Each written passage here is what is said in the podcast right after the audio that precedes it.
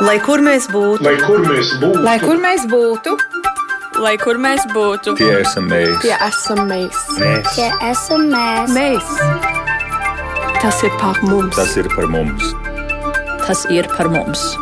Globālais latvietis. 21. gadsimts. Ģimenēm, kuras atgriežas Latvijā, ir jārēķinās, ka bērniem var būt sarežģīti iekļauties Latvijas skolās. Kāda tad ir ģimeņu pieredze, ar kādu atbalstu tās var rēķināties? Tas ir tas, ko skaidrosim šīs reizes sarunā raidījumā Globālais Latvietis 21. gadsimts, jo mēs studijā esam aicinājuši Dainu Grosu, kura dalīsies ar savām atziņām, jo nolakā par šo tematu Lielbritānijā Bretona aizstāvēs doktora disertāciju, kas saucās par remigrējušo bērnu iekļaušanu skolās un psihosomatiskajiem traucējumiem. Tas ir jauns kvalitatīvs pētījums, kas izgaismo to, kas tad apgrūtina remigrantu bērnu iekļaušanos Latvijas izglītībā. Daina Gross, Latvijas Universitātes filozofijas un socioloģijas institūta pētniece, ir šeit studijā. Sveicināti, Daina! Labdien! Attālināti mūsu sarunā piedalās reemigrācijas koordinātore Kurzemes plānošanas reģionā Agnese Berģe. Sveicināti, Agnese! Labdien! Ērika Pičukāne pārstāv Latviešu valodas aģentūru, izglī, ir izglītības daļas metodiķe un ikdienā ir cilvēks, kuras vadībā ir izstrādāts arī ceļvedes vecākiem, kuri vēlas atgriezties Latvijā. Sveicināti, Ērika! Labdien! Un Eva Behmane ir pirms astoņiem gadiem atgriezusies uh, Latvijā kopā ar vīru un meitiņu. Meita šobrīd ir pusaudze, ģimenē šobrīd ir trīs bērni. Uh, Eva mums ir pieslēgusies no saldus, kur viņa arī ikdienā strādā un dzīvojies pareizi saprot. Labdien, Eva! Labdien! Šī ir uh, saruna, kurā arī jūs, klausītāji, esat a- aicināti piedalīties. Ja jums ir uh, pieredze, kurā jūs gribat dalīties, ja jums ir kāds jautājums, ko jūs gribat uzdot mums, tad jūs varat iet Latvijas radio mājaslapā un tur uzrakstīt tiešo ziņu eterā skanošam raidījumam, un šobrīd tas ir raidījums Globālais Latvietis 21. gadsimts. Sākšu ar Dainu. Kas Dainu jūs pamudināja tais doktora disertācijai izvēlēties tieši šo tematu? Tas ir apkārt novērotais, pašas piedzīvotais, jo mm, tie klausītāji, kuri ļoti rūpīgi klausās mūsu raidījumu, noteikti Dainu jau būs dzirdējuši un zina, ka Dainai ir pašai pieredze pārcelties eh, no Austrālijas uz Latviju, bet nu tad eh, doktora disertācijas temats, kas mudināja? Nu jā, mani motivēja jau pirms 15 gadiem uh, sākusies pieredze ar saviem bērniem Latvijā, pārceļoties no Austrālijas uz Latviju. Un uh, viņu, viņu piedzīvojumi Latvijā, skolā.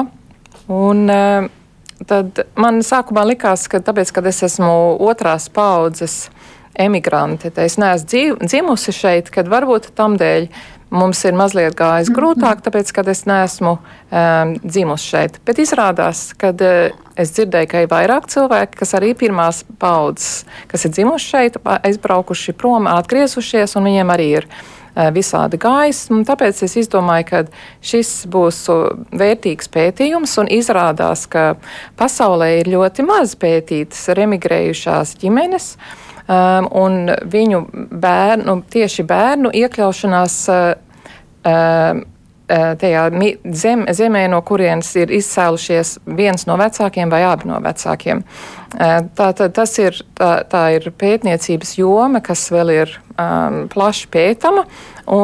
Tā nu sanāca, kad man iznāca vesels pētījums tieši par to, kādi faktori ietekmē remigrantu bērnu un jauniešu psihosociālo labklājību gan ģimenes jomā, gan skolas vidē, gan arī draugu, vienaudžu, kaimiņu un plašākās sabiedrības vidū. Tā kā tur bija dažādi tieši jautājumi, uz kuriem es centos atrast atbildes. Nu, mūsu šodienas fokus tomēr būs vairāk tā izglītības sadaļa, par kuru mēs runāsim. Kas tad ir tas galvenais, kas izkristalizējās šī darba laikā? Kas apgrūtina uh, iekļaušanos šeit, uh, izglītībā, skolās uh, Latvijā?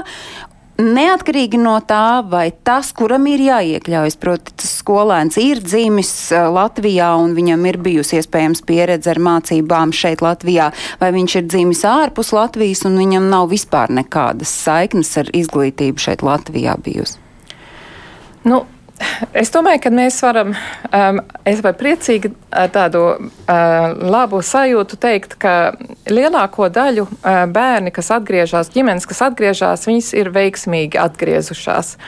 Es arī uh, izmantoju datus no kvantitatīva pētījuma, kas tika veikts 18. līdz 21. gadam, ko Latvijas universitāte veica no aptaujas datiem 41% respondentu tiešām saka, ka viņiem bērniem nebija problēmas iekļauties šeit vidē Latvijā, integrēties ne skolā, ne bērndārzā. Tā kā tā ir labā ziņa. Bet, Bet tur ir 60, 59%. Tur, kas ar tiem? Jā, nu un tad ir, ir īpašas uh, lietas, ko arī izcēla respondenti aptaujā, kas ir šīs te tie klupšanas akmeņi. Uh, Un e, galvenais, kā jau man liekas, iepriekšējos raidījumos mēs esam jau par to šo tēmu runājuši, ka tā ir bērnu latviešu valodas nepietiekami uh, pazi, nu, prašana.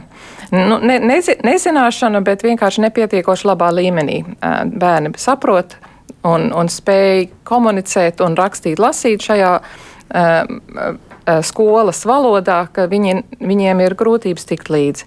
Tad uh, ir vēl arī zināms uh, īpatsvars uh, respondentu, kas atbildēja, ka atšķirīgās mācību metodas Latvijā no, no mācību metodēm viņu mītnes valstī uh, ir, ir traucējušas viņu ieklau, iekļaušanos, un vēl mazliet mazāks 20% respondentu uzskatīja, ka skolotāju attieksme pret viņu bērniem apgrūtina viņu adaptāciju skolā. Šie bija tie galvenie tādi punkti.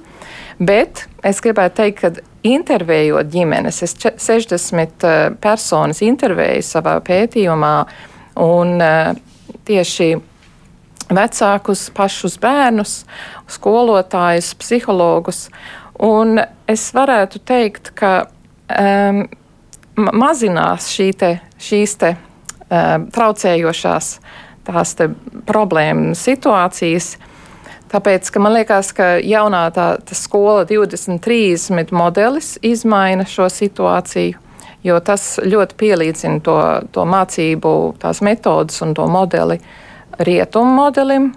Tas ir viens tāds punkts, un, un otrs ir vēl, kas nāk klāt beidzamā gada laikā, ir arī Ukraiņu um, bēgļu bērnu ienākšana skolās un vajadzība arī šos daudzos bērnus iekļaut, bet nu, tas nebija daļa no mana pētījuma. Atšķirīgas mācību metodas, vai tur kaut kas uh, ieskicējas? Kas tad ir tas, kas ir atšķirīgs Latvijā no, no es nezinu, no kurām zemēm bija pārcēlušies? Lielākoties droši vien stāsts ir par Eiropu uz Latviju. Jā, tās atšķirīgās mācību metodes. Nu, līdz šim, līdz ir tagad skola 23 maina šo sistēmu, ir tomēr bijusi pieredz, pierasts vēl mācīt skolotājiem klases priekšā frontāli, mācīt eh, vielu tā, ka bērnam to informāciju sniedz, nu, pasniedz, un, un viņam nav iespējas bijis piedalīties tik daudz tajā uh, mācību procesā, kā tas notiek ārpus Latvijas daudzās valstīs. Un tur arī skolēni pieraduši, ka viņu viedokli prasa ļoti bieži. Viņi var, viņiem arī ir daudz tuvākas attiecības ar skolotājiem, ar pedagogiem ārpus Latvijas. Šeit ir tomēr tāda distance. Ziņā, zinām, cieņa tiek sagaidīta, nu, ka skolotājs to ne, nepieprasa, bet tas tiek sagaidīts. Nu, pie tā protams, jāpielāgojas, ja šāda te ir sistēma, bet paiet laiciņš pielāgoties. Un savukārt, ja runājam par uh, skolotāju attieksmi, ko 20% no aptaujātajiem ir minējuši kā iespējamo klupšanas akmeni, tad uh, kas tur skolotāji nav gatavi reemigrantu bērniem, nav gatavi tam, ka arī tā latviešu valoda nav līdz galam. Kas ir tas, kas ieskicē to skolotāju attieksmi? Es teiktu, ka te ir vairāki faktori, un, uh, un te es īsnībā jūtu līdzi arī skolotājiem pašiem. Tāpēc, ka skolot, no skolotāja šīs dienās ļoti daudz sagaida, ka viņam būs jāspēj iekļaut ļoti plaša spektra bērnus klasē. Un, jā, nereti ir skolotāji, kuriem nav pieredze, kā diferencēti mācīt klasē. Bet tas arī ir tāds attieksmes jautājums. Skolotājs varbūt ir noguris, viņam arī nav laika, jo ir ļoti liela klase. Un tad sanāk, ka bieži tas eh, remigrējušais bērns Viņš tā kā pazūd klasē. Neviens īpaši par viņu neinteresējās. Es neteiktu, ka tas tā visur notiek, bet tā mēdz vēl notikt, ka viņš tā kā paslīd cauri visam, neviens neievēro, viņam labi iet vai neiet labi. Nu, un tad sanāk, kad eh, pēc kāda laiciņa, kad ir nesekmīgs tas bērns, nu, tad sāk šķietināt, kāpēc tas tā ir bijis. Bet iesākums ir tas svarīgākais, ka no sākuma pirmajās nedēļās, kad tas eh, skolotājs tiešām mazliet vairāk cenšas ar šiem bērniem drusku painteresēties, kā viņam iet, vai viņš tiek līdzi, ja netiek, ko viņam vajag kā papildus palīdzību. Nē, nu izklausās jau, e, ja 41% ir raiti un gludi iekļāvies izglītībā šeit Latvijā un 59% tas tomēr ir liels skaitlis, kam nav sanācis varbūt tā ļoti veiksmīgi, bet nu tomēr tās mācības uh, turpinās. Agnese, jūs kā remigrācijas koordinātoru kurzemes plānošanas reģionā, vai varat salīdzināt, nu 2018. gads bija tas mirklis, kad sāka darboties uh, remigrācija migrācijas koordinātori. Un šobrīd, 2023. gadā, kā jūs redzat, nu tīri praktiski, vai un kā ir mainījusies nu, tā, jūsu uzraugāmu, jūsu koordinēto remigrantu iekļaušanās uh, skolās? Jā, nu, ir jau pagājuši tiešām pieci gadi, te ir seši no projekta sākuma, kopš viņš sākās kā pilotprojekts, un šobrīd viņš ir stabils projekts. Jā, mēs Mēs, tā kā es vienmēr arī saku, nu, patiesībā jau mēs, remigrācijas koordinatori, esam ne, nepārtrautā attīstībā. Un vis, vispār viss mēs esam tādā kā attīstībā, nemitīgā tādā, tādā situācijas izpētē. To, ko arī Daina Gross patiesībā pieskarās ļoti daudzām lietām, Kas tad arī ir mainījies šo gadu laikā? Nu, ļoti daudz lietas. Pirmkārt, jau sāksim ar to pašu uh, cilvēku uztveri. Ja? Nu, ne tikai izglītības uh, ziņā, bet vispārīgi, kā mēs, kā mēs pieņemam šos procesus, ka cilvēki atgriežas Latvijā, gan paši emigranti, gan arī šeit mums rezidentiem dzīvojuši.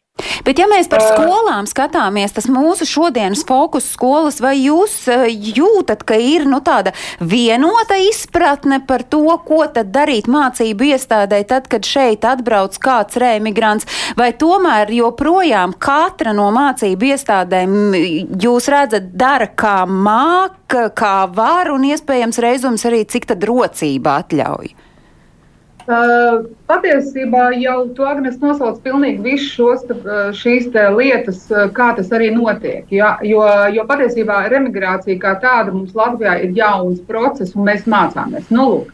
Bet pie tā tava jautājuma, respektīvi, ir tā, ka uh, uh, skolas patiešām šobrīd ļoti strādā. Uh, Latviešu valodas aģentūra šobrīd arī rekura Erika Pičukāna mums ir uzaicināta. Fantastiski materiāli, fantastisks darbs, tiek izglītot skolotāji, direktori. Mēs, remigrācijas koordinatori, arī veicam šo darbu, organizējam dažādus seminārus. Tur tajā skaitā arī es organizēju tādu visaptverošu pa kurzemes eh, skolām, tika aicināti eh, skolas eh, runāt par to, kāda tad ir tā, tie aktuāli, aktuālie jautājumi. Ja sākotnēji, kā pašā pirmajā jautājumā tu minēji šo te kā, ja ar, ar, ar pašu projektu sākumu, ka mēs sākam, sākām kustināt šo, šo jautājumu. Ja? Tad skolām, protams, bija sākotnēji tā, mums jau, kad mums tā problēma būs, tad jau mēs viņu sāksim risināt. Ja? Uh, un tad, kad mēs, uh, protams, uh, notiek šī, kā, nu, sauksim viņu par problēmu vai ne problēmu, nu, es nezinu, nu, kaut kāda situācija, ja? tad, protams, ar katru situāciju mēs paliekam gudrāki. Ja? Mēs mācāmies no kļūdām un, un dažādi šeit izglītojušie semināri. Pašas skolas saprot, kā tas ir jārisina šie jautājumi. Vai, tā kā es vienmēr saku, šis ir tas dialogs. Tas nav tikai uzgrūst visu skolai, Tagad skola būs tā, kura nu tagad risinās audzinātājs, skola vainīga, vienaudži vainīga. Tie ir tas dialogs, ko es vienmēr saku arī ģimene. Ir ļoti, ļoti jābūt pašiem. Nu, tā, tas ir tas, ko šo gadu laikā no projekta sākuma jā, nu, ir, main, ir main, izmainījusies tā, tā, tā attieksme un domāšana. Daina? Es gribētu vēl papildināt arī tieši to, ko nu pat remigrācijas koordinātori teica, ka šī trijotne bērns, ģimene un skolu, vecāki un skolotājs Tas ir tas, kas dereti vēl trūkst. Varbūt, ka ļoti daudz jau un tiešām ir darīts tieši pašā skolā, bet man liekas, ka vairāk vajag to sadarbību starp vecākiem un skolu, un ka tai jābūt ir tādai. Uh, uzticībai vienam otram, ka ne, nenotiek tāda pārmetumu um, mešana viena. Nu, tāda nesāk meklēt vainīgo, kurš ir vainīgs. Un tomēr, ja lai mēs eh, mazliet plašāk to, to pa, palūkotos uz to, kur tad varbūt ir tie klupšanas akmeņi, es lūkšu Agnesi kā reemigrācijas koordinātori, jo nu, jūs esat tādi vidutāji, kuri palīdz eh, tad risināt visdažādākos pārpratumus, iespējams domstarpības, kas var rasties starp mācību iestādi, pašvaldību, skolēnu, viņu vecākiem. Kas varbūt vai, vai varat Agnes ieskicēt, kādas varbūt ir tās tipiskākās situācijas, kurās jums nākas iesaistīties? Nu, tipiskākā situācija jau arī, kā Dāna Gross minēja, šī tā, ir tā, nu, tā tieši tā izglītības, tā, nu, kā bija mītnes zemē un kāda ir tā mūsu, jā, tā izglītības nu, tā sistēma. Nu, respektīvi, protams, ka tas ir tāds neliels šoks pašiem, gan pašiem vecākiem, gan arī bērniem. Ja? Nu, tas ir tas, tas lielākais, ja? un tad ir šie psiholoģiskie aspekti. Ja, kad, kad, kad, kad, kad, nu, kad nespēja integrēties ne tikai vienaudžu vide, vidū, nespēja tikt līdz mācību priekšmetiem. Jo, saprotiet, ģimenē jau tā liekas, viņi tā psiholoģisku motīvu vadīt atgriežas. Jā, viņi tādi patētismā atgriežas dzimtenē, bet bērni pa lielam vai nu tur ir piedzimuši vai praktiski uzauguši. Jā, un tad mēs viņu tagad izņemam ārā no tās vides. Ieliekam atkal jaunā vidē, un visa tā, tas vārds arī tā integrācija, jau, protams, arī pašiem pieaugušajiem ir sarežģīta, bet tas ir tas, tas sarežģītākais, ja tas psiholoģiskais aspekts. Bet, protams, uh, kā es vienmēr saku, neveidosim to bērnu par ķīlnieku situācijas. Protams, ka situācijas ir dažādas. Ir tādi, kuri uh, saka, mums nav nekāda problēma. Mēs iejutāmies fantastiski un fantastiska skola un tā tālāk. Uh, ko es vēlējos akcentēt, kad man, ar manīm sazinās uh, ģimene ar uh, remigrantu vai potenciālo remigrantu ģimeni, un tad viņi jautā visus šos aspektus, un uh, tad, uh, tad es vienmēr sazinos vai nu ar pašvaldību pārstāvi, vai ar konkrēto skolu, vai izglītības pārvaldu. Mēs mēģinām risināt šos, tad, vai skolā ir konkrēti kāds jau remigrantu bērniņš, jā, kāda ir tā uzņemšana, kā tas viss klāsies. Mēs izrunājamies ar vadību. Direktors saka, noteikti mēs to, lai droši ģimenīte nāk, mēs runāsim. Katrā ziņā vienmēr es jūtu no skolas atvērtību, es jūtu to, kad, kad, kad, kad, kad, kad, kad nāk pretīm. Tas jau ir atkal jau cits jautājums, kā notiks tā realitāte. Tā ir tā teorija, un tā praksa jau ir citādāk. Bet, nu jā, tie, nu, tas ir tas lielākais, tas psiholoģiskais valodas zināšanas barjeras. Uh, nespēja tikt līdz priekšmetiem, uh, respektīvi, ka uh, bērni pa lielam viņi tulko galvā no savām mītnes zemēm, viņi jau adaptējušies ar tajām mītnes zemēm, tad tad arī es vienmēr aicinu, nu, tiešām šo tad, nu, centīsimies arī uh, varbūt kaut kā runāt ar klases audzinātāju, veidot tādus kā uh, klases vakarus, uh, sadraudzību, izskaidrot. Viņš tagad ir jauniņais. Kā, kā, nu, lai, lai, lai, lai, lai visi vienmēr ir izskaidrot tā situācija tā jau arī tā patiesībā mūsu lielākā problēma, tā komunikācija, tā savstarpējā. Ja? Tā dažādo risinājumu meklēšana pie tā, uh, uh, Agneses sacītā, ka liela daļa reemigrantu bērnu skolā tulko galvā, kas nozīmē, ka viņiem ir vispār vēl papildus lodze. Uh, tā ir mirklī Eva, kura pirms astoņiem gadiem atgriezās ar meitu, kur šobrīd jau ir pusaudze, māja ar galvu, un es tā saprotu, ka jūs esat tieši šīm arī savā ģimenē gājuši cauri. Uh, jāteic uzreiz, ka Evas pieredze atgriezties un iekļauties bērnam Latvijas skolā ir bijusi nu, tā veiksmīgā pieredze, bet nu, ieskicē, cik veca tajā brīdī bija tā meita, kad, viņi, kad jūs atgriezāties, un kā tā iekļaušanās skolas vidē notika? Kas varbūt bija tie pārsteigumi, kam jūs tomēr tikāt pāri? Jā, um, pieredze gan nu, jau diezgan sena, kā jau, kā jau minēja. Tas bija astoņas gadus atpakaļ. Emīlijai tajā laikā bija seši gadi. Viņa bija Lielbritānijā gājusi skolā jau divi ar pus gadus. Un, protams, izglītības sistēma tur ir pavisam savādāk, un, un, un tas, kā tiek mācīts, un arī tā vide bija pavisam citāda, bet mēs bijām stingri nolēmuši, ka, ja arī mēs atgriezīsimies, tad atgriezīsimies pirms Emīlija uzsākas gaitas skolā šeit. Jo man liekas, ka tas jau tā ir pietiekoši psiholoģiski grūti um, pārcelties uz citu zemi, jo viņas dzimtene bija Lielbritānija, un uh, iejusties šeit jaunā kolektīvā. Un, uh, Tā, tad nu, mēs 2015. gada ziemā pārcēlāmies atpakaļ uz Latviju, un Emīlija uzsāka gaitas bērnu dārzā. Sākums bija mazliet, mm, es teiktu, pagrūts viņai, um, jo tomēr um, bērni šeit jau bija vairākus gadus kopā mācījušies, viņi bija saraduši, un, un te pēkšņi uzrodas kāds cits, kurš runā ar savādu akcentu, lai gan latviski viņa runāja labi, bet, uh, bet tā situācija bija tāda, kad viņa domāja angliski un viņa tulkoja šos teikumus latviski, un, protams, tas izklausījās nedaudz savādi. Un, un tad, tad sākumā viņi man arī bieži teica, mamī, kāpēc, kāpēc cilvēki šeit nesmaida, vai kāpēc viņi nesveicinās ar mani. Un, um, bet, uh, bet mums par laimi, Emīlija, diezgan ātri tomēr iejutās arī dārziņā šeit. Un, protams, uzsākot skolas gaitas, tas bija jauns, kaut kas jauns visiem.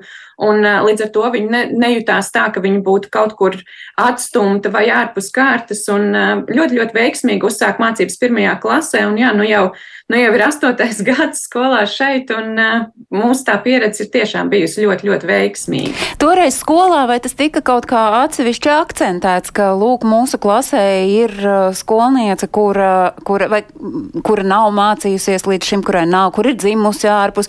Kāda bija tā skolas jūsu iekļaušana skolas vidē, jo skaidrs, ka pirms tiem uh, astoņiem gadiem arī vispār visa šī reemigrācijas kustība bija nu krietni uh, ar mazākiem skaitļiem rakstām. Tas arī ir fakts.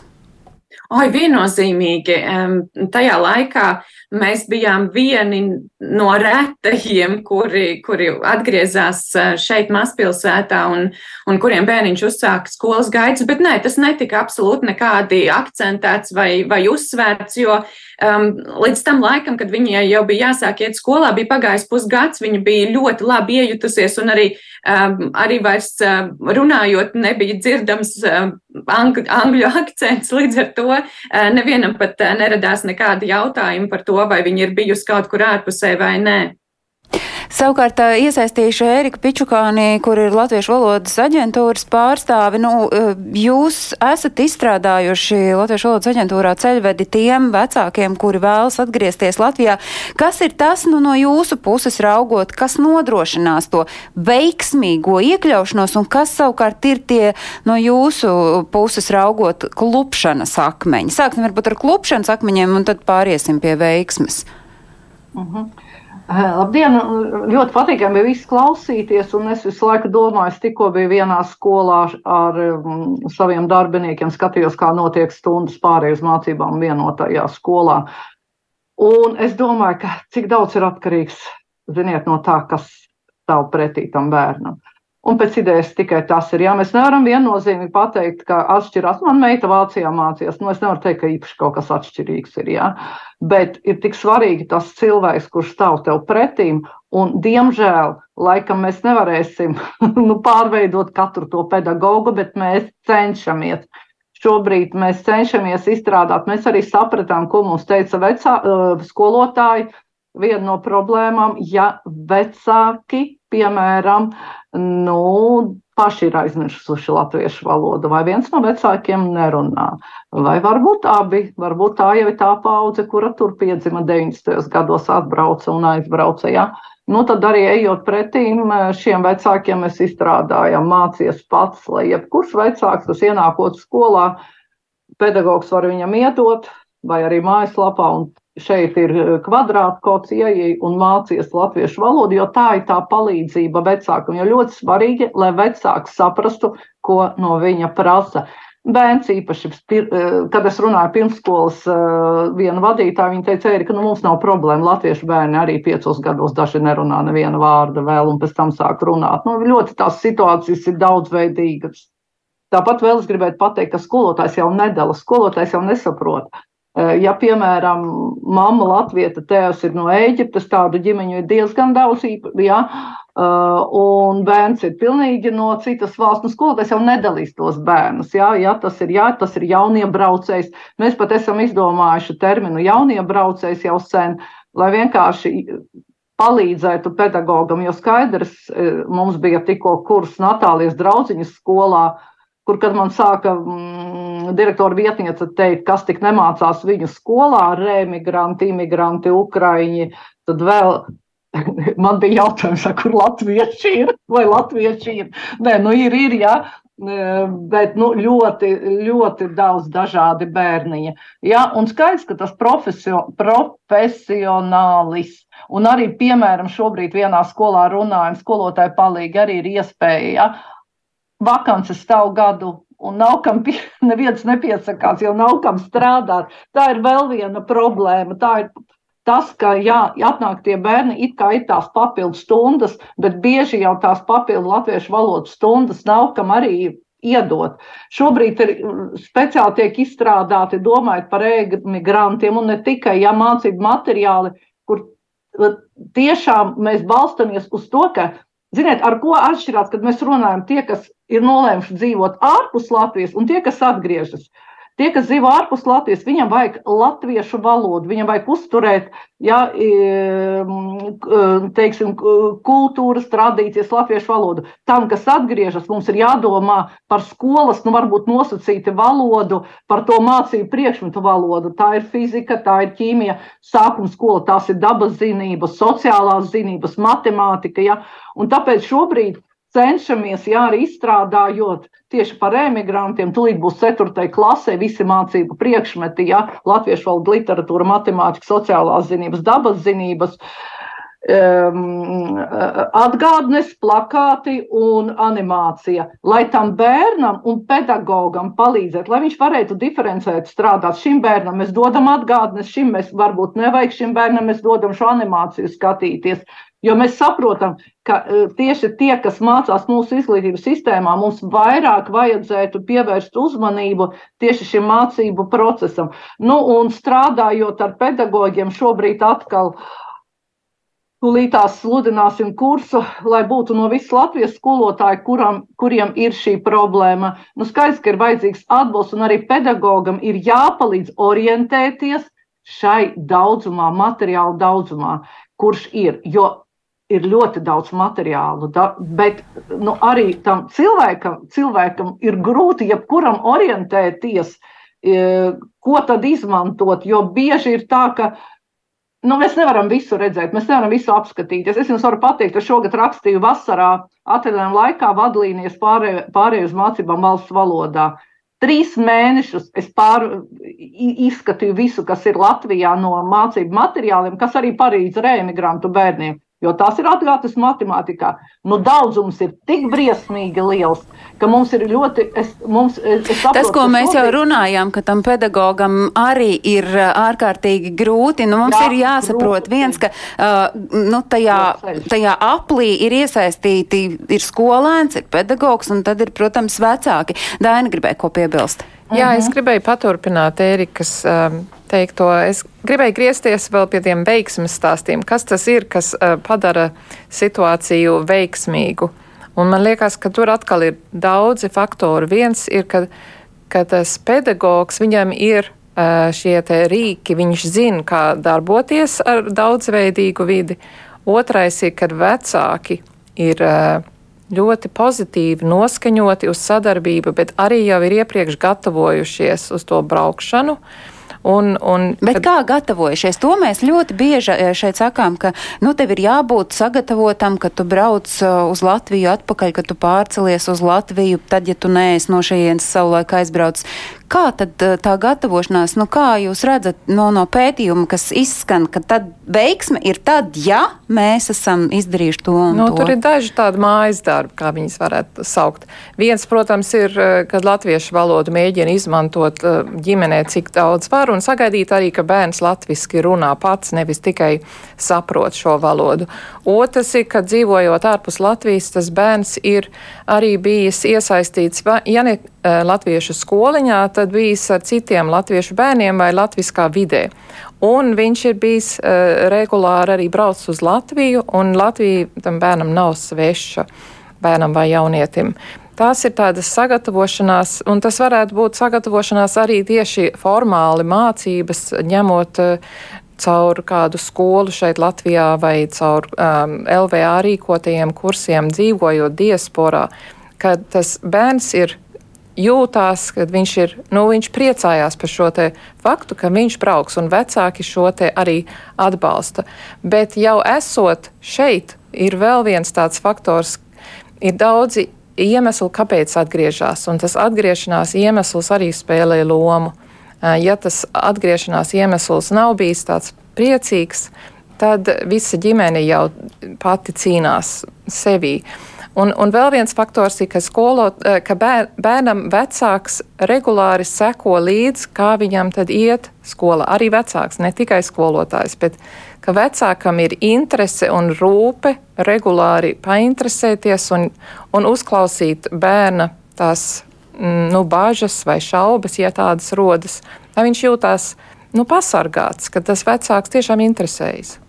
Es uh, lūkošos uz Evu, lai arī tas bija pirms astoņiem gadiem, vai tas, ko Daina tagad minēja, gan saikne ar Latviju, gan prasmes runāt latviešu valodā, gan arī nu, saprast, ka tā Latvija ir kaut kas tāds nevis pilnīgi svešs, bet, uh, un arī, protams, tas, ka tā pati pārcelšanās ir pašai ģimenei pozitīva. Tas ir tas jūsu veiksmes stāsts viennozīmīgi es klausījos un domāju pat pie sevis, jā, to mēs darījām, tas tā bija, tas tā bija, es, pie, es pilnīgi piekrītu, jā, um, ļoti daudz šie faktori um, tieši nāk no ģimenes, un, un tas, cik uh, labi mēs um, sagatavojam paši sevi un bērnu pirms tam, noteikti spēlē milzīgu lomu. Un, uh, Jā, es, es absolūti piekritīšu katram vārdam, jo mēs tiešām centāmies arī runāt ar, ar Emīliju Latviju, lai gan arī viņa bieži vien teica, ka nē, viņa ar mums latviešu nerunās, viņa mums atbildēja angliski, bet uh, mēs tik un tā turpinājām ar viņu runāt, zinot, ka viņa sapratīs, kad tas palīdzēs viņai uzturēt šo valodu. Un katru reizi, kad mēs ciemojamies Latvijā, tad jau viņai gribot, negribot ar visiem pārējiem radiniekiem un draugiem bija jārunā latviešu, un, un tas viņai arī nesagādāja nekādas problēmas. Nu, redzēvis, tas nu, nosacīta veiksmes faktors bija tas, ka meita gāja vēl pirms skolas izglītības iestādē un tā iekļaušanās, bet laikam tas, ko, ja mums ir jāskatās uz tiem 59%, kuri saka, ka tā iekļaušanās Latvijas skolās ir bijusi apgrūtināta, apgrūtināta un tas nav bijis tik ļoti gludi un viegli, vai mēs varam skatīties uz to, ka tad mums ir vairāk jālūkojas jau uz vecāko klašu skolēniem, jo uh, pusaudzis, uh, vecāko klašu audzēknis, tā jau ir nu, tādas zīme vai signāls, ka tur nebūs viss iespējams tik gludi. Jā, nu, protams, varbūt arī veiksmes stāsti pusauģa vecumā, un, un tas ir pierādīts, ka tā arī var būt, bet visticamāk, ja būs problēmas, tad tās būs vairāk šajā te vecuma grupā, jo jaunietis jau ir iesakņojies draudzību ziņā ļoti dziļi savā pusau, no savā vienaudžu vidi, vidē, dzīvojot ārpus Latvijas, un viņu izraut ar saknēm no turienes ir daudz grūtāk, un viņam tad ir um, tiešām nu, vairāk pūles jāvelta saprast tās sabiedrības normas savu vienaudžu vidū te Latvijā, un tas ir sarežģītāk. Un tas arī ir tas mirklis, kad iespējams arī tai skolā nākas, lai arī mums ir noteikts, ka atgriežoties vai pārceļoties uz Latviju, tam skolēnam ir jānonāk klasē atbilstoši savam vecumam. Nu, tā patiesība ir tāda, ka nevienmēr tas notiek, un tad tas ir vēl papildu tāds trieciens tam pusaudzim, kurš jau tā ir izņemts no savas ierastās vides, un plus viņam piepeši, nezinu, nu, es esmu dzirdējis gadījumus, kur 15, 14 gadīgam čalim novērtējot viņa prasmes, pasaka, tev ir jāiet 3. vai 4. klasē, jo tas ir tas, ko tu izglītības līmenī vari darīt. Kā vai šis parādās šobrīd, 2023. gadā, jo šie ir mazliet tādi senāki stāsti, ko es ieskicēju? Jā, nu vēl ar vienu es dzirdu no vecākiem, ko es intervēju pirms nu, apmēram diviem gadiem, tagad, kad es viņus intervēju, ka ir mēdz notikt tas, ka bērnus uh, tomēr ieliek klasē nu, aptuveni vienu gadu zemāk, vairāk par vienu gadu parasti. Mm, tas būtu liels izņēmums, ja divus gadus zemāk.